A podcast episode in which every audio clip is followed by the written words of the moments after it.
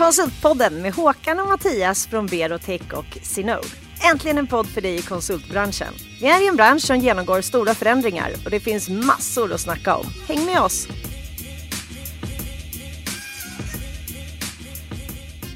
Håkan, hur mår du? Jag mår jättebra tack. Härligt. Ja. Vad händer i Håkans liv? Eh, Det är lite mer ledigt än vanligt. Ja. Ja, det snickras på landet. Ja, du det gör växthus. Jäklar ja, det är bara att beställa. Så får du ett svetsat växthus av mig om du vill. Ny karriär. Ja, man vet aldrig. Och du då? Är det bra med dig? Nej, men det, är, det är bra tycker jag. Jag tycker man har kommit in i liksom... Det börjar bli eh, nya normalt, känns som. Precis. att, eh, nej, men jag tycker att det, det känns bra. Ja, Och trots att vi har en kris så finns det ju väldigt mycket andra viktiga ämnen vi, vi ska prata om. Som man inte får glömma bort. Som man inte får glömma bort. Nej, precis. Så att vi har ju med oss en, en fantastisk gäst här. Välkommen Fanny.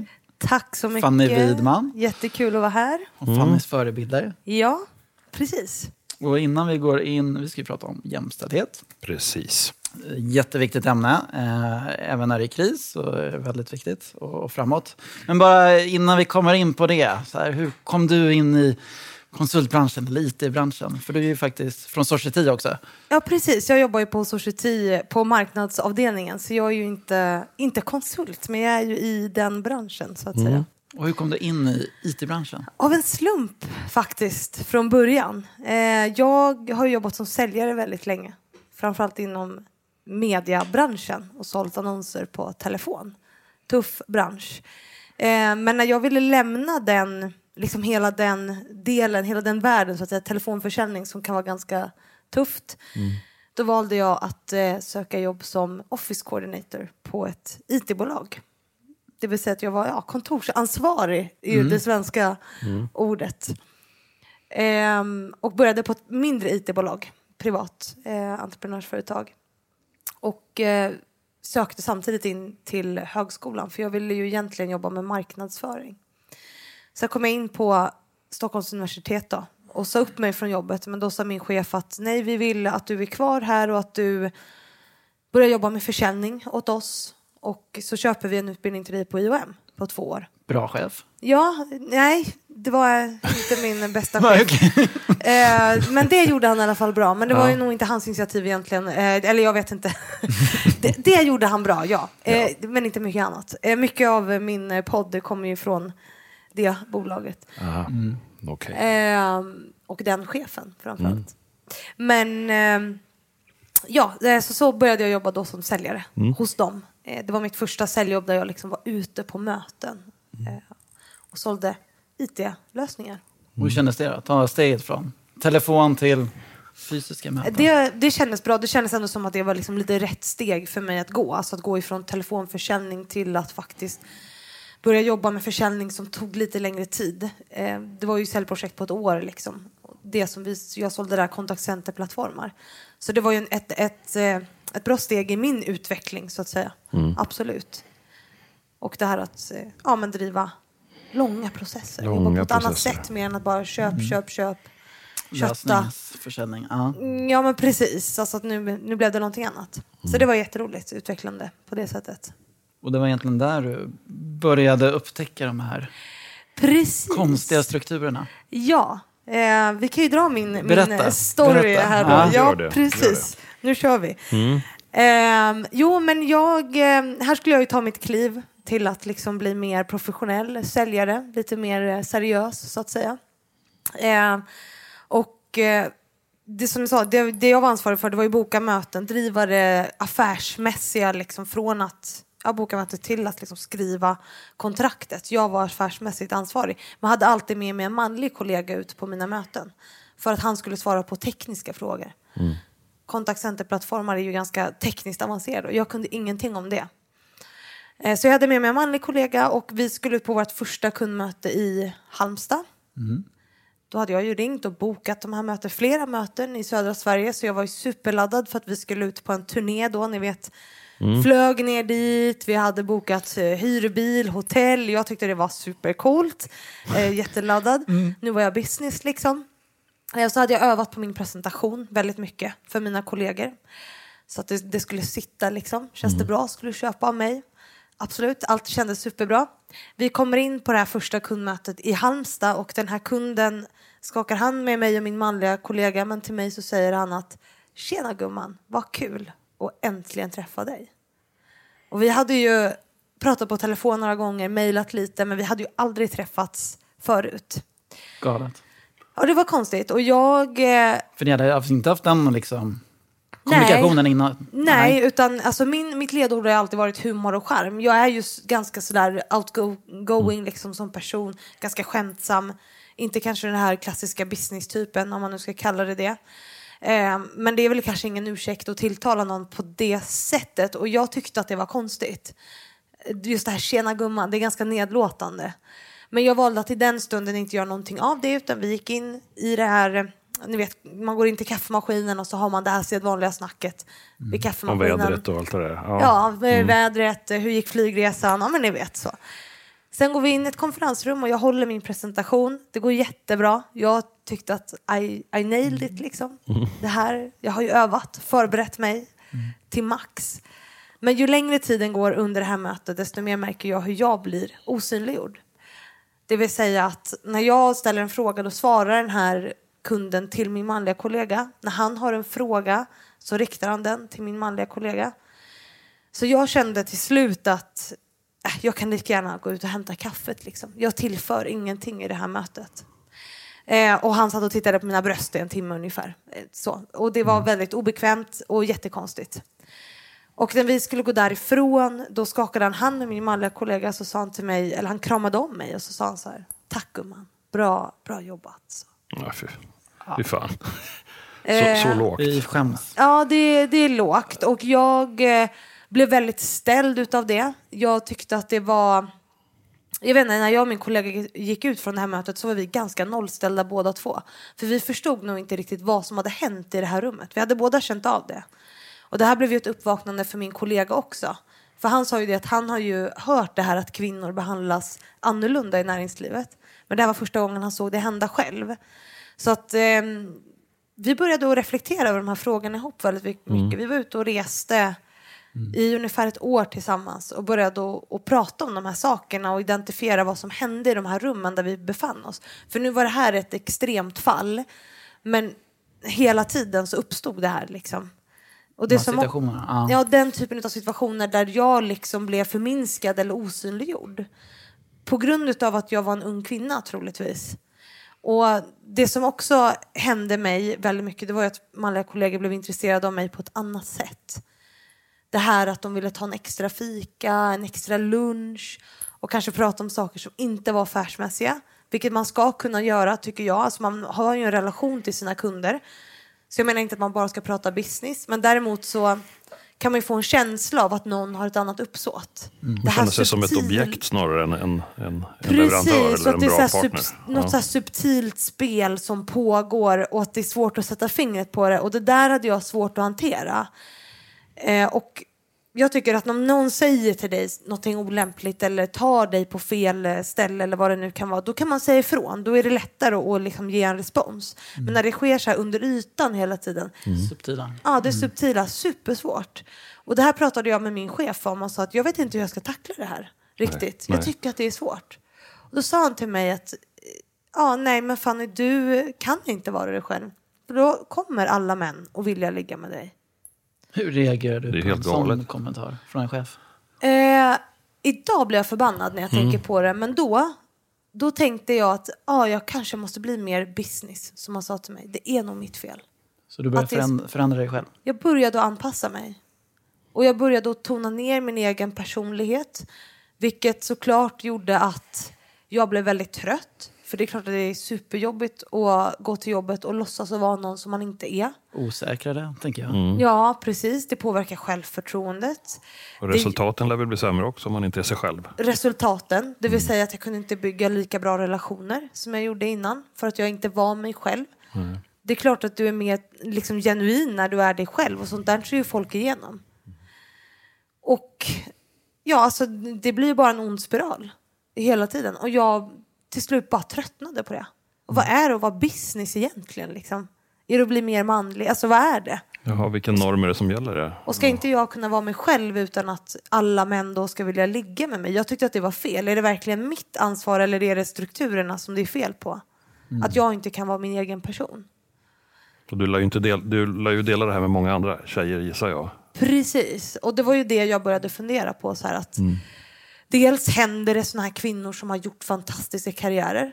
Har de varit med om de här sakerna och hur tacklar de det? För det vill jag lära mig. Hur kan jag hantera de här situationerna? Nej, jag tycker bara fantastiskt. Efter, ditt första möte och ändå komma igen. Du, du ville komma igen. och Du Ja, jag liksom- ville komma igen och jag ville lära mig men det där det tär ju på självförtroendet Mm. och det jag märkte på att jag började tona ner mig och det är många kvinnor som gör att man börjar förminska sig själv för att inte få höra att man får ta, ta för mycket plats Mm. eller och så vidare att man liksom eh, ja man gör många anpassningar helt enkelt som kvinna i näringslivet. Hur gjorde ni två år, ni som var kollegor, åkte på er lilla Grand Tour i väst, eller södra Sverige? Ja, då åkte vi några på Grand Tour, men vi var, ju, vi var ju över hela Sverige Ja. ihop och, och genom hela den här resan så var det här någonting som vi började reflektera väldigt mycket Mm. över. Som jag sa, alltså att vi började se de här situationerna, att vi märkte att det hände. Eh, Och det han gjorde ofta, det var att han bollade över till mig, att han sa så här Ja men som Fanny sa, eller eh, den här frågan kan Fanny svara bättre på. Att han synliggjorde mig väldigt ofta i de här rummen. Men han gjorde också, förminskade också mig i de här rummen. Omedvetet. Och han och jag hade en så pass bra relation att jag efter vissa möten kunde skälla ut honom och säga att så här, märkte du själv vad du gjorde nu? Du Kan tog du över berätta de hela här rummet. omedvetna? För jag tror att tyvärr så är vi nog inte medvetna alltid. Nej men det är ju omedvetet. För det handlar ju om att vi gör saker som vi alltid har gjort. Och det handlar inte om att man är dum. Eller att män är onda. Eller att kvinnor är goda. Eller, det handlar ju inte om det. Det handlar om att vi gör saker som vi alltid har gjort. Vi har förväntningar på hur vi människor är utifrån våra kön. Så vi förväntar oss att kvinnor ska backa lite. Kvinnor ska inte ta plats. Medan män ska göra det. Det finns ju en studie som säger att om en kvinna pratar mer än 25 procent av tiden i ett rum, då, upp, då anser man att hon är för mycket, eller man upplever henne som för mycket. Det är liksom fakta. Så vi har ju förväntningar på hur vi ska vara utifrån våra kön. Och min manliga kollega, han ville ju inte göra de här sakerna. Men han gjorde det för att han har alltid gjort så. Ja, Klivit han över. speglades väl av den andra personen också, att liksom Precis. spela det spelet, för det var det förväntade spelet. Att, det- Precis, men han blev ju medveten. Och jag kunde ju skälla ut honom och säga så här, att nu händer det här i det här rummet. Märkte inte du det själv? Hur tror du att det känns för mig? Och så kunde han ta åt sig det och bara, ja, nej men eh, det var dumt. Och, och liksom ändra det och att vi kunde ha ett samspel. Och det Vilken- kunde vi ju ha för att vi pratade om det. Att Vilken vi tur att ni ändå var två där, för hade du suttit själv, flugit där, tagit den här hyrbilen och åkt där och, och varit ensam om de här stunderna hela tiden, varit, gissar jag, svårare. Nu hade du någon. Nej, både och. För när jag Ah, började okej. åka ut själv, så, då var jag i och för sig mer erfaren. Men efter ett tag så gick jag ju ut själv. Och då gick det nästan bättre. Ja, för du Okej. hade inte den där inte mannen mannen- som skulle mannen svara. Nej. Ja, det är klart.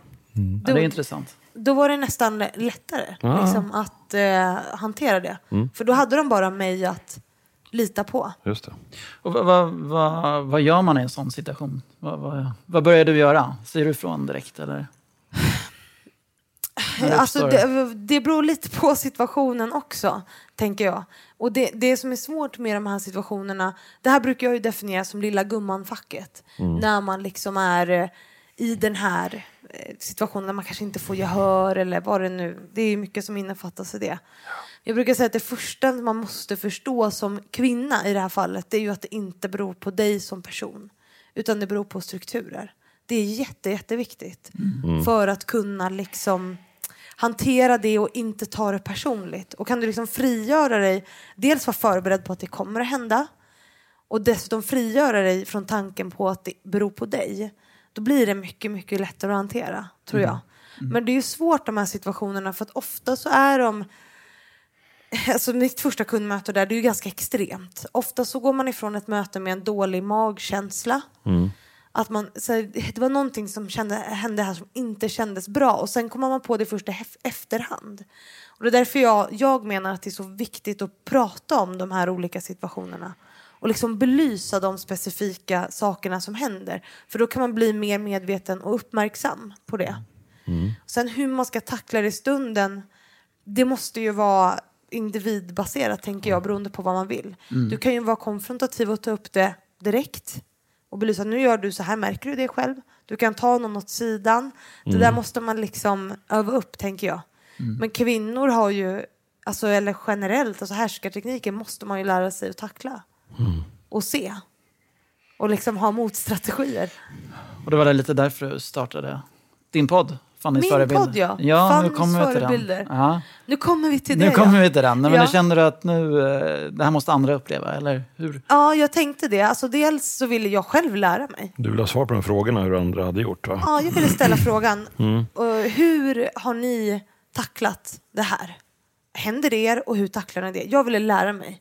Och jag tänkte att det kan inte bara vara jag som blir utsatt för det här. Det måste ju vara fler.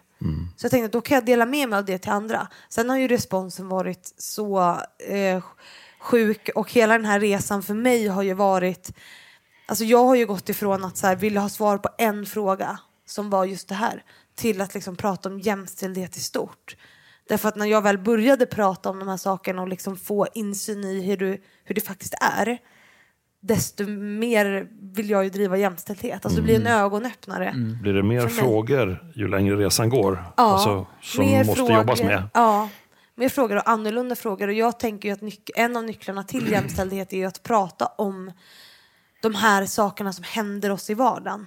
De, för de är ju ett hinder för jämställdheten. De Och- sakerna. Och tillbaka till podden, du har haft Ja. Mm. eh, helt fantastiska gäster. Alla partiledare och höga vd och så vidare. Och, och alla säger samma sak egentligen. Ja, Vilket för är alla har olika upplevelser utav det här.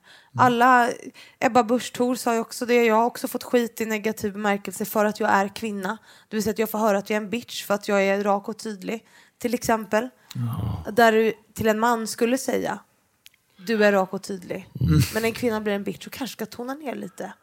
För att hon är för rak och tydlig. Och det här är ju en upplevelse som alla kvinnor som jag har pratat med har på ett eller annat sätt. Och det är ju kopplat till liksom strukturer och normer. Och vad förväntar vi oss av en kvinna kontra en man? Och vad förväntar vi oss av en ledare?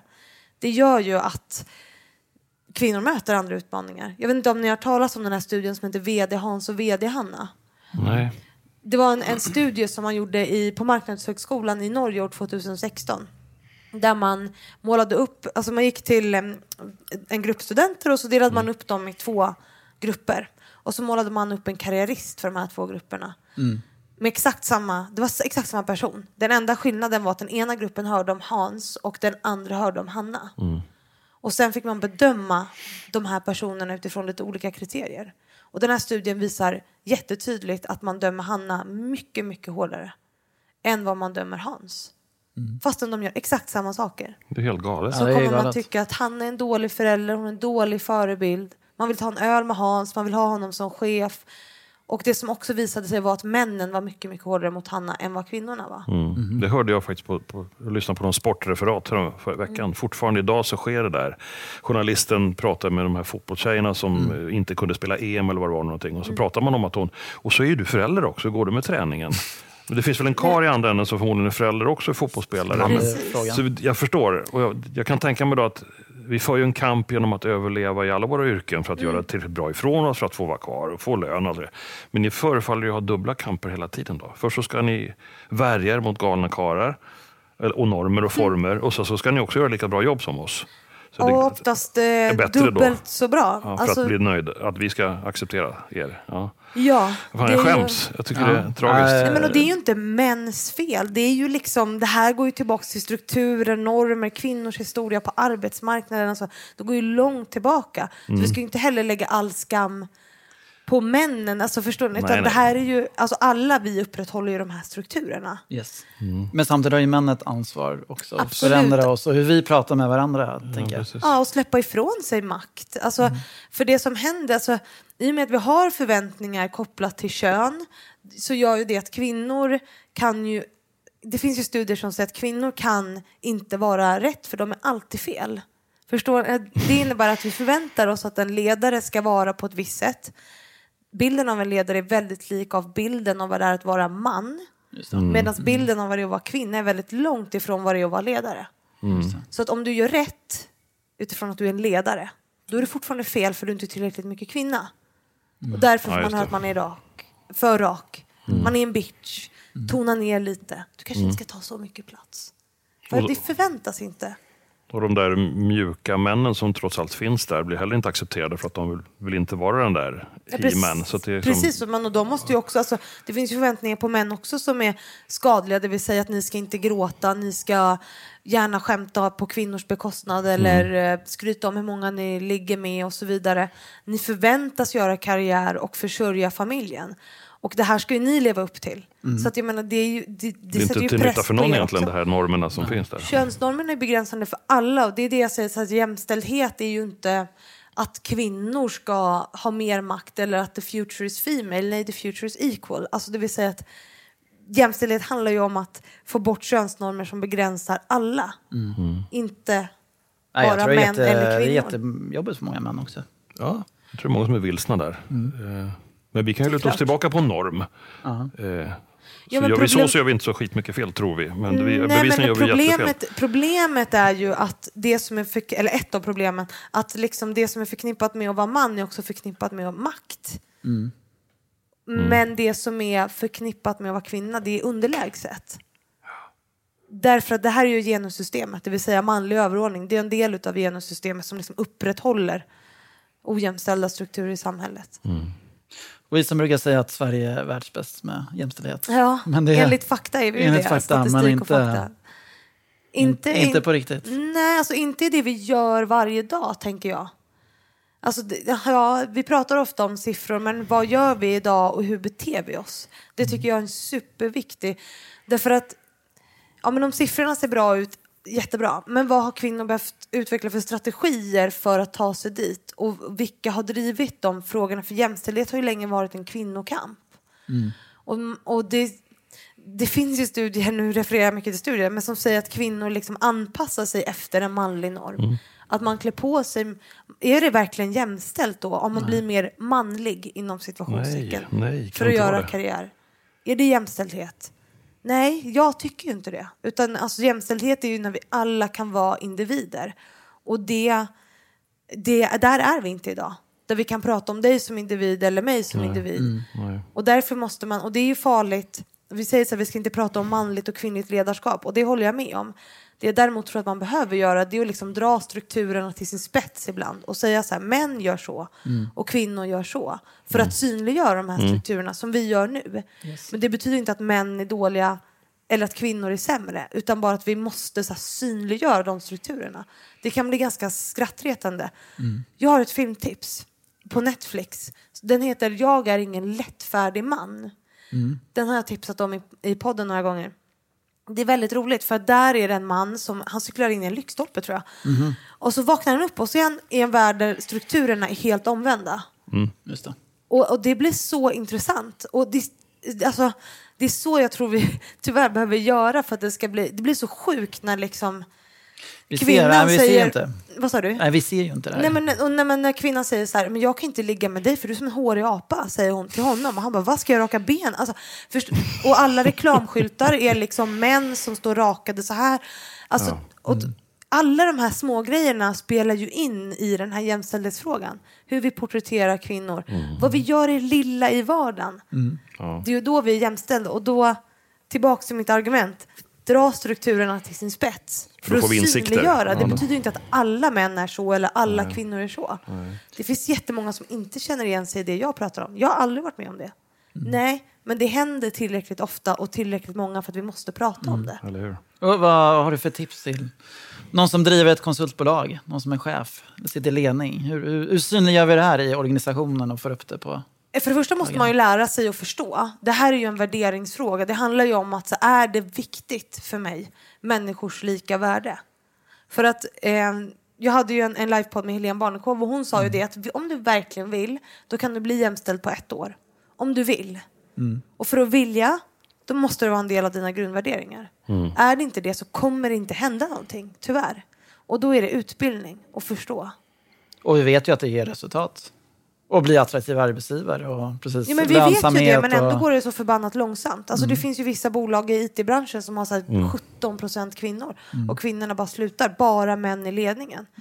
Och då kan man istället fråga, vill de verkligen? Om man bara är män i ledningen och har varit det i flera år. Nej, alltså jag tror Nej, inte, då är de- det inte en tillräckligt viktig fråga.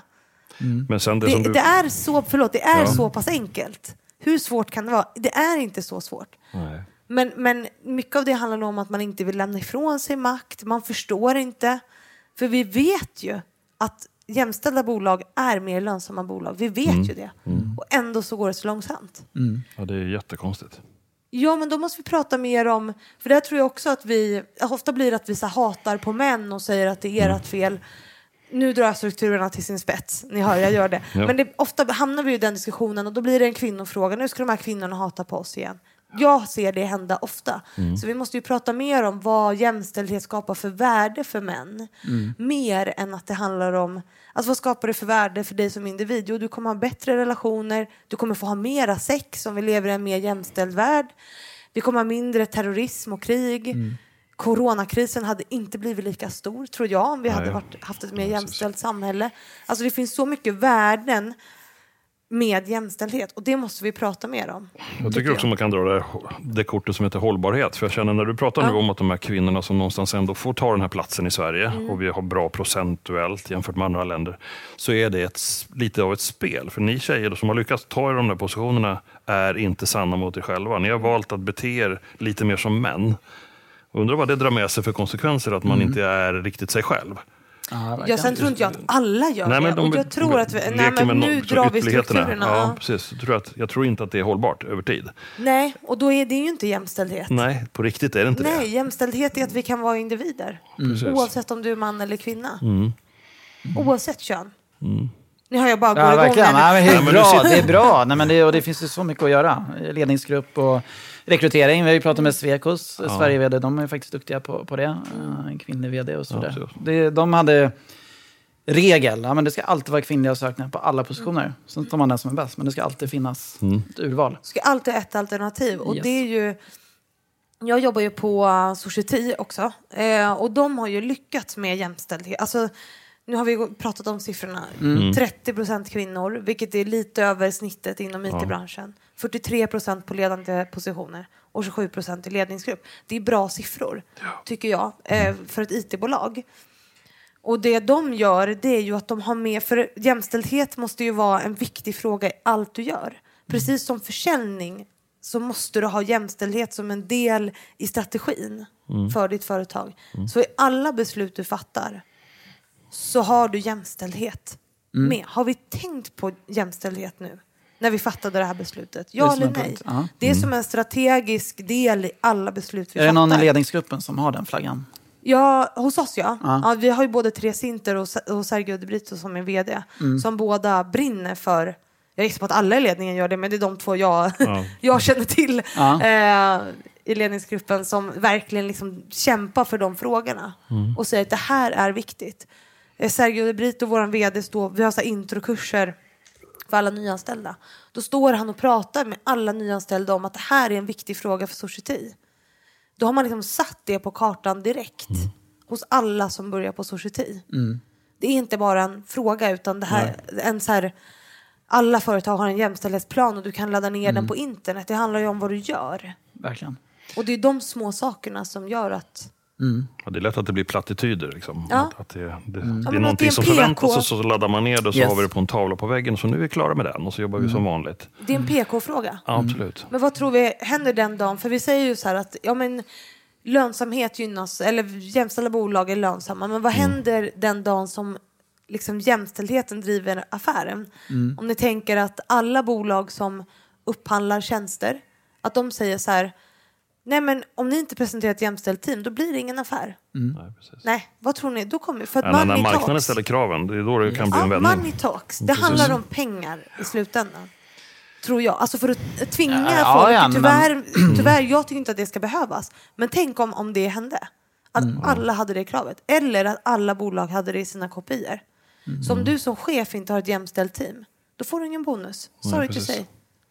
Då kommer alla ha ett jämställt team. Det är bra. Ty, alltså tyvärr. Tyvärr är vi så enkla. Ja. Tyvärr är vi så enkla. Alltså jag tror att du har jättebra poänger redan nu. Precis. Det är lönsamt. Och, Mm. eh, jag tror att precis, ska, du locka, ska du locka kvinnor så måste du ha några kvinnor redan. Ja. Och jämställdhet. Alltså jag tror, eh, jag tror alltså att alla blir ju, det vet vi ju, alltså att nya generationer blir mer och mer medvetna. Yes. Man tittar på företagsledningen när man ska söka ett nytt jobb. Jag skulle idag aldrig börja på ett bolag som inte har en kvinna minst i ledningen. Nej. Aldrig. Jag gjorde det misstaget. Jag började på ett sånt bolag. Och jag var inte där länge. Det är bra. Nej, men Bra alltså, mycket, ja, Det är absolut. bra vi, ställningstagande. vi söker kvinnor till oss. Ja, men precis. Både styrelse och ledning. Yes. Ja. Jo, men och det är som du säger, har du alltid 50% kvinnor, alltså om du har en man och en kvinna, om kompetens ska styra. Tyvärr är det ju inte så fortfarande att kompetens styr. Nej. För att vi har lättare att tillskriva män kompetens. Alltså det finns ju jättemånga, både män och kvinnor, tillskriver män kompetens lättare. Så att vi är emot kvotering i Sverige, men vi har ju en informell kvotering ändå. Ja, det får mig på tankar det du berättade på lunchen om, om att det ska bli spännande och kanske läskigt att se hur de här permitteringarna kommer slå. Ja. Det kan ju bli tragiska siffror då, som du säger, att om det, när vi tittar tillbaka av ett halvår på det här. Hur många, hur många män och kvinnor som permitterades i samband med corona. Och vilka roller försvinner först? Det är de som inte är affärskritiska. Och tyvärr sitter det många män på de platserna. De affärskritiska, ja. Ja. Ja, man, ja, skämmas ska vi kanske inte göra för hela befolkningen, men det finns ju rätt mycket att göra inser man ju. Ja, Det finns ju väldigt, väldigt mycket att göra. Och mycket handlar ju om medvetenhet. Ja. Synliggöra medvetenhet. Ja, För prata om exempel, det. förebilder. Jag gillar att du tar upp förebilder. Och när du och jag ses på en öl, bara du och jag snackar Ja. grabbsnack, så ska vi liksom tänka på de här grejerna då också. Ja, Det- ja, men det var det. Du hade en fantastisk livepodd där i höstas. Ja. Som jag deltog som uh, åskådare bara. Ja. Men, eh, med Helene Barnekow bland annat. Och sen hade det en, en jättebra paneldebatt. Och det var ju en, en eh, Stefan Alexander, Ja. vd för Dell. Stefan Alariksson, eh, en av de bästa män jag känner. Ja, och jag tyckte han, han gav en bra historia. För han, han, han lever som han lär och, och liksom på jobbet. Och de lyfter de här frågorna verkligen. Men sen, just, sen tog han liksom exempel när han var på... Men när han är på grillkväll med grabbarna och någon säger någonting. Vågar han säga emot då? I den stunden. Och i, hans mentor var det i det här fallet. Det är lite det. Hur, hur, hur pratar vi när vi bara är män också? Jag tror den är jätteviktig. Ja, för det här gäller ju liksom inte den här devisen att välj dina strider, utan det här, du måste ju agera varje dag. Yes. I alla små situationer. Och det är ju svårt som du säger att vid grillen liksom stå upp för mot metoo eller vad det nu kan vara som nu var Stefans exempel på, på livepodden. Ehm, så att, ja, nej, det gäller varje dag. Och ta- även med de här Små steg. kidsen som på något sätt ska ta över. Du har ju små Ah, barn. mina Jag menar, det där man måste ju fånga det här Ja. redan i tidigt skede. Ja. De här gubbarna med två bärs för mycket under västen, det kan bli bara ett pajigt samtal. Man ska ta det ändå. Mm. Men de kissar ju bort den där medvetenheten senare. Jag tror man måste ta det i alla situationer med Mm. småkidsen och på något sätt skapa den här mm. förebilderna där hela tiden. Alltså det små. Ja. medveten om Ja. genus och könsnormer från början. Det här jobbar vi ju med, men det gjorde just ju någon studie på någon förskola där man studerade förskollärare och där de så här efteråt insåg att de har ju liksom uppmuntrat flickorna att klä på pojkarna. Omedvetet. Oj. Och de blev ju helt chockade. Alltså, för, men de, de, de, de tänker att de är medvetna om genus. Men det är ju det att man är, man är, är ju inte det nedärvt. förrän man verkligen börjar reflektera över det. Mm. Ja, det är det. Och det är mer okej att små grabbarna på dagis eller på förskolan slåss lite grann för de måste avgreja sig. Men tjejerna får inte göra det. Och, Nej, det- precis, var försiktig, klättra inte i träd och Ja, du kan ha sönder dina Ja. byxor. Därför går jag alltid runt med trasiga jeans. Nej jag skojar. Nej men, nej, men ni förstår så att det, Ja. att det, alltså de förväntningarna, det börjar ju så tidigt. Det börjar Nej, ju redan från Verkligen. knatteåldern att vi tillskriver folk attribut Ja, utifrån. Ja, ja, jätte, jättebra. Jättebra att reflektera över. du, Ja. eh, du är grym. Tiden går snabbt. Tiden går snabbt. Eh, Har du jag- nästan slutliga tips? Vad gör vi? Hur lyfter vi det ännu mer? Nej, men alltså jag säger det alltid, medvetenhet, medvetenhet, medvetenhet. Medvetenhet. Prata om det. Det Och enkelt. prata inte bara om det som en fluffig fråga. Vad händer just nu i den här vardagliga situationen? Mm. Blev du satt i lilla gumman-facket idag? Mm. Alltså, vi måste inte bara kvinnor emellan och sätta kvinnor i ett rum att reflektera utan också få män att reflektera över hur vi begränsas av könsnormer. Mm. Som, vi, som jag har sagt förut och säger igen, det är inte en kvinnofråga. Nej. Det här måste vara ett intresse för alla. Bra tycker jag. slutord. Ja, slutkläm. Slutkläm. Ja. Och du får faktiskt, vi måste ha en, en till gäst i Konsultpodden. Har du Ja, något tips? och då måste jag ju tipsa om en jämställdhetskonsult, känner jag. Självklart. Och då tipsar jag om Camilla Wagner som driver eh, Klara K. som är en jämställdhetsbyrå. Eh, tror ni kan ha ett intressant samtal med henne och prata om hur det är att vara i den branschen, så att säga. just Som konsult. Just. Eh, superbra, häftig kvinna. Coolt. Bra tips. Jättebra. Har du några Stort- slutord? Nej, jag känner bara att reflektera mera. Jag skulle egentligen vilja ha den här lilla checklistan från dig om vad män ska prata om i sina möten någonstans. Ja. Vad är det liksom, hur ska vi börja formulera Det det finns där? ett jättebra koncept för det här som heter killmiddag. Gå in på Du killmiddag.se. ser, det där bara Det kommer bara grejer kommer, hela tiden. ja. Men eh, gå in på killmiddag.se och kolla för där har de som initiativ, liksom, med- där du kan ladda ner en pdf. Så här, vilka frågor ska vi prata om? Om det är Mm. Ja. kollegor emellan eller bara Ja, det är vänner. skitbra. Som är just för att mm, killar och män ska prata om hur Mm. det är att vara man. För att komma igenom det där macho-staketet som, liksom, som vi stänger in oss i. Som bara öppnar upp det där. Bara kommer Ja, och innanför. det tror jag inte många som Ja. trivs. Nej, men för Nej. tänk så här att män är överrepresenterade i självmord, i Mm. våld. Och det är ju någonstans för att vi liksom, ni alltid stänger in känslor, ni får inte gråta, Nej, ni får inte... Det är klart att det kommer ut på andra sätt. Mm. Det är klart att det är skadligt för män. Och kvinnor har liksom slagit så länge för alla Mm. sätt som patriarkatet har drabbat oss på. Så jag tycker att det liksom är dags att Mm. killar och män börjar prata, för ni är ju också offer för pa- patriarkatet på ett annat sätt. Yes.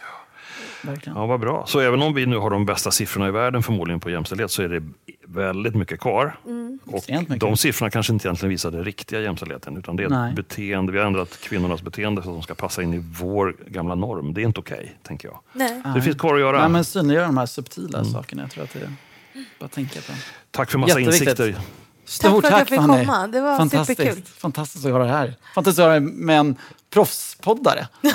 Och vi glömde nämna, vi har ju, du har ju en liten gäst med dig. Ja, Flisan ja. Hunden Flisan. Flisan. Flisan. Hon är så snäll som vi knappt hört henne. Ja, hon märks inte så mycket. Hon bara ligger och sover. Nu pratar vi om dig. Härligt, stort Tack, tack. tack. Tack, tack. Du har just hört nummer 32 av Berotech och Synods Konsultpodden. Idag hade vi med oss Fanny Widman från Fannys förebilder.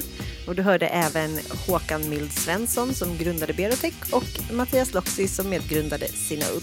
Och vi har spelat in på härliga Septemberfilm